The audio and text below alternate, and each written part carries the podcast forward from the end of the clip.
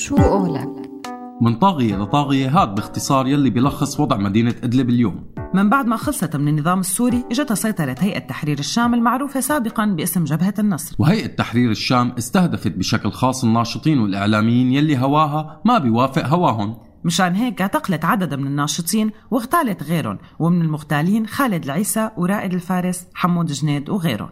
أما من المعتقلين الناشط الحقوقي ياسر السليم وعبد الحميد البيوش. عن الجهة اللي وراء اعتقال واغتيال الناشطين وعن دور هيئة تحرير الشام بإيجاد حل المشكلة رح نتحاور مع ضيفنا عقبة باريش رئيس مركز مسار للدراسات. أهلا وسهلا فيك الناشط والحقوقي آه، عقبة باريش مدير مركز مسار للدراسات ضيف عزيز على برنامج من سيرة لسيرة على هوا راديو سوريالي. أهلا وسهلا فيك أستاذ عقبة. أهلا وسهلا أهلا وسهلا فيكم براديو سوريالي. آه، سيد عقبة مؤخرا تم اغتيال اثنين من أبرز الناشطين بمدينة كفر نبول بإدلب وهن رائد الفارس وحمود جنيد.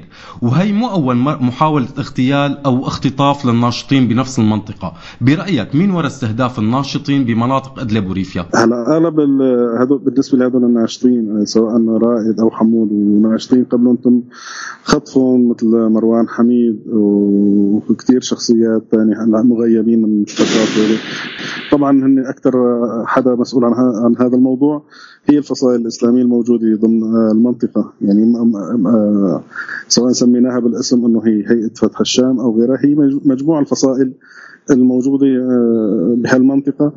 بالإضافة لحاله الفلتان الامني الموجودة في محافظة أدلب اللي بتساعد أيضا عصابات ثانية اجراميه كمان تقوم بعمليات الخطف والقتل، لكن بالنسبة للناشطين أتوقع إنه كل المعادين لفكره الثورة آه، هن هن المسؤولين عن هاي العملية. طب برأيك شو هي الأسباب اللي خلت رائد وحمود يكونوا محل استهداف؟ وشو الأسباب اللي بتخلي أي ناشط يكون محل استهداف؟ هلا تحديدا آه، سواء رائد أو حمود أو غير ناشطين. ما, ما, ما فينا نحدد الأسباب المباشرة ل آه، نحدد لكل حدا أسباب خاصة فيه. بشكل عام إنه هذا الخط المدني الموجود ضمن المحافظة آه، في محاولات للقضاء آه، عليه بشكل كبير لأنه هو حاليا هو اللي عم يعمل ممانعة لسيطرة آه، ال- ال- السواد على المحافظة. طيب من جهة تانية سيد عقبة في في عدد من الناشطين والحقوقيين معتقلين عند مثلا جبهة النصرة مثل أمثال حقوقي ياسر السليم مثلا. هل في فينا نعرف مثلا الأسباب عن اعتقال الناشط ياسر السليم؟ مثلا شو أسباب اعتقاله؟ هلا أعتقد ياسر الأستاذ ياسر السليم آه، تم اعتقاله بعد مشاركته في إحدى آه، المظاهرات اللي كان اللي رجعت نشطت بالفترة الأخيرة. فهو كان حامل لوحة بتطالب بال- بالكشف عن مختطفين آه، السويدة. فبالنسبة لياسر السليم هو شخصية يعني يعني بيحب يشوف آه، سوريا مثل مثل ما إنه وطن واحد لكل السوريين.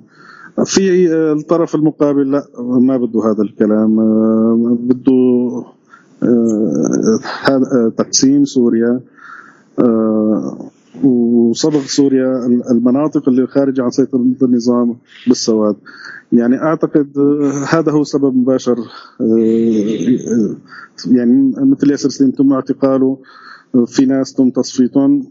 يعني ما بدنا نقول كل ناشط هو حظه لكن للأسف هي الفكرة هيك إنه في ناس بيتم اختطافهم.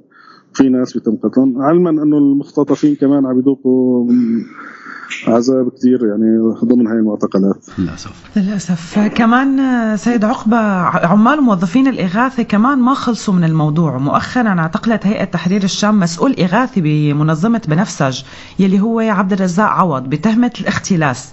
برأيك آه، شو هي الأسباب الحقيقية من وراء الاعتقال؟ أغلب آه، بالنسبة لعملية اعتقال الأستاذ عبد الرزاق آه، بصراحة آه، حكومة الإنقاذ عم تحاول تسيطر على آه، على موارد انه تح- تحصل على موارد من عن طريق المنظمات. فهذا الموضوع بيسبب إشكاليات للمنظمة إنه ممكن هاي المنظمة تتهم إنها بتقوم بدعم آه، الإرهاب. فهي غير قادرة على آه، إعطاء آه، أي شيء لحكومة الإنقاذ اللي هي مصنفة إنه هي حكومة هيئة فتح الشام. وبالتالي أي تعامل معها هو تعامل مع مع الإرهاب. هاي الممانعة آه، هي اللي سببت بده يبدأوا طبعا لتبرير عملية اعتقال عبد الرزاق عوض أو غيره فبده يتلفق له تهم بالفساد طبيعي. طيب آه، سيد عقبة غالبا عمليات الاعتقال والاغتيال بينفذوها ناس مجهولين أو ملثمين آه، شو سبب توجيه أصابع الاتهام بأغلب الحالات لجبهة النصرة أو هيئة تحرير الشام؟ أول شيء بالنسبة لموضوع لهيئة فتح الشام اعتقال رائد وحمود ما حد كان ملثم آه أوكي. كانوا مكشوفين آه، ما يعني ما كان في حدا ملثم وقدام الناس تمت العملية وما كان يعني في ضل في ناشط كان موجود بالسيارة مع رائد وحمود وما زال يعني موجود بكفرنبيل يعني تحت حراسة الهي وحراسة المدنيين في في في مدينة كفرنبيل ما زال موجود. فأعتقد آه، اللسان يعني هي فكرة اللسان بالأساس مين اللي اوجدها غير هذول الفصائل؟ وبالتالي صار أي حدا يحط هذا اللسان ينحسب عليهم. لكن بعملية تصفيت آه،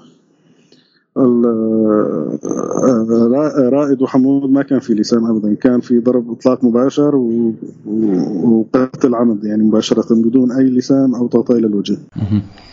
طب في هي أي إحصائية بتعرفها لتقدير عدد المعتقلين بسجون النصره جديدة إحصائية حديثة؟ والله ما بتوقع في احصائيه لأنه ما في احصائيه ابدا لأنه آه، في كثير مغيبين ومش وتم تغييبهم في مناطق يعني آه، مثل ما بيقول السيطرة فيها مشتركة لأكثر من فصيل.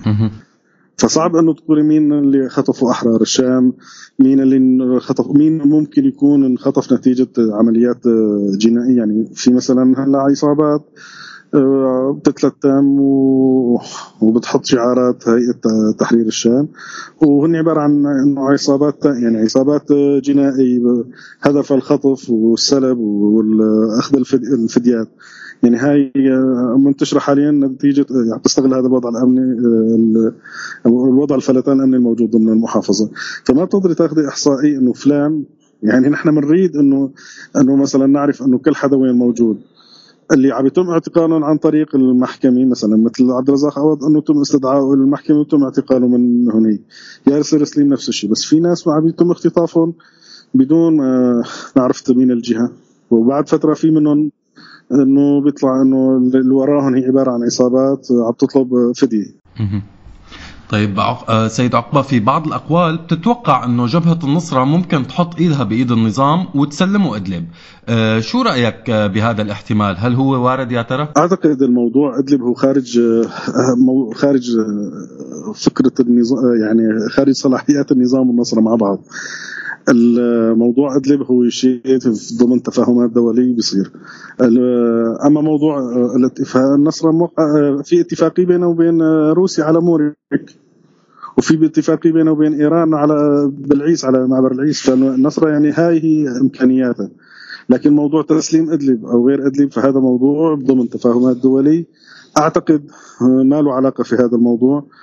خصوصا أنه في رغبة تركيا بالسيطرة على أدلب لكن البطء آه، السيطرة التركي نتيجة إنه في أكثر من من عامل آه، أو عامل ضغط على الأتراك سواء شرق الفرات أو ضمن الفرات أو بأدلب.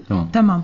طيب آه، إذا رح نشهد بالفترة الجاية القريبة أو البعيدة تفكيك لجبهة النصرة شو هو السيناريو المحتمل برأيك؟ والله مستحيل حدا يتنبأ في سيناريو يعني هلا مثل يعني لاحظي مثلا داعش بعد ما دخلوا على الرقة. ما شفنا جثث وما شفنا توجه المقاتلين لأي جهة. صار ينحكى إنه في مقاتلين سلموا نفسهم تم تسليمهم لدولهم. روايات تعددت وما طلعت ولا رواية رسمية تقول وين راحت الأعداد الآلاف المؤلفة من مقاتلين داعش بعد ما دخلوا آه، أنه دخل دخلت قوات قصد على الرقة. فنفس الشيء بالنسبة إلى موضوع النصر. ما حد بيقدر يتكهن أو يتوقع وين آه، شلون راح يتم تفكيكهم هل هو مثلا آه، في قسم منهم إنه آه، مثل ما بيقولوا الحمائم الموجودة لأنهم يدخلوا فصائل ثانية وصقور يتم تصفيتهم وقتلهم واغتيالهم ممكن. هل يمكن ترحيله؟ ممكن.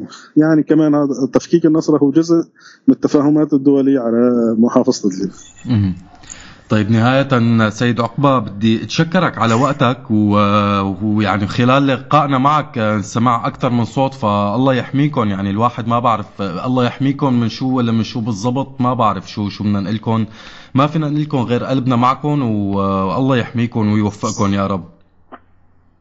آمين. الله يعطيكم العافية. يعطيكم الف عافية. شكرا كثير يعطيك العافيه شو قولك